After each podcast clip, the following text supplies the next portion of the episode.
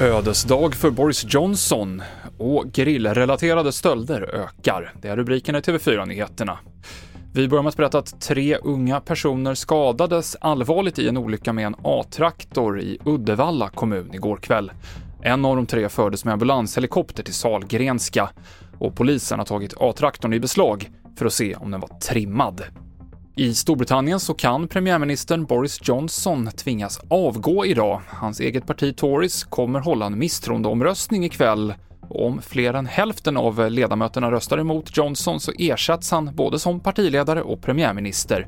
Det är skandalen Partygate som fått många av de egna att vända sig emot Johnson. Det verkade ju ett tag som att man inte skulle få ihop tillräckligt eh, med röster, de här 54 rösterna som krävdes.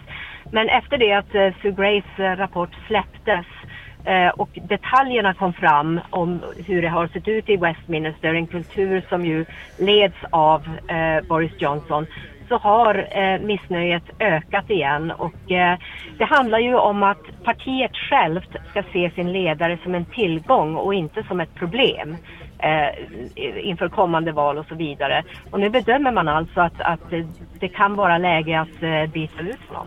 Så var reporter i England Petra Nordlund McGann. Brittisk pensionär har dömts till 15 års fängelse i Irak för att ha försökt smuggla ut antikviteter.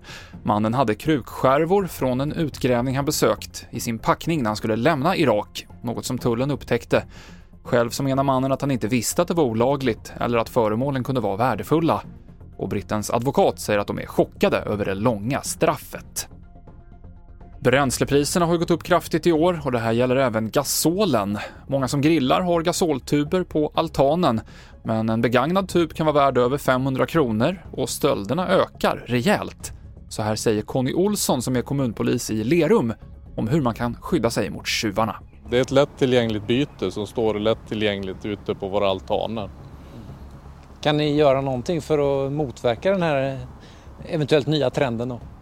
Jag vill ju förebygga och råda människor till att eh, gå med i grannsamverkan om det inte är det redan. Men också försvåra genomförandet. Hur kan jag försvåra att någon tar min, min gasoltub? Och det avslutar TV4-nyheterna med Mikael Klintevall i studion.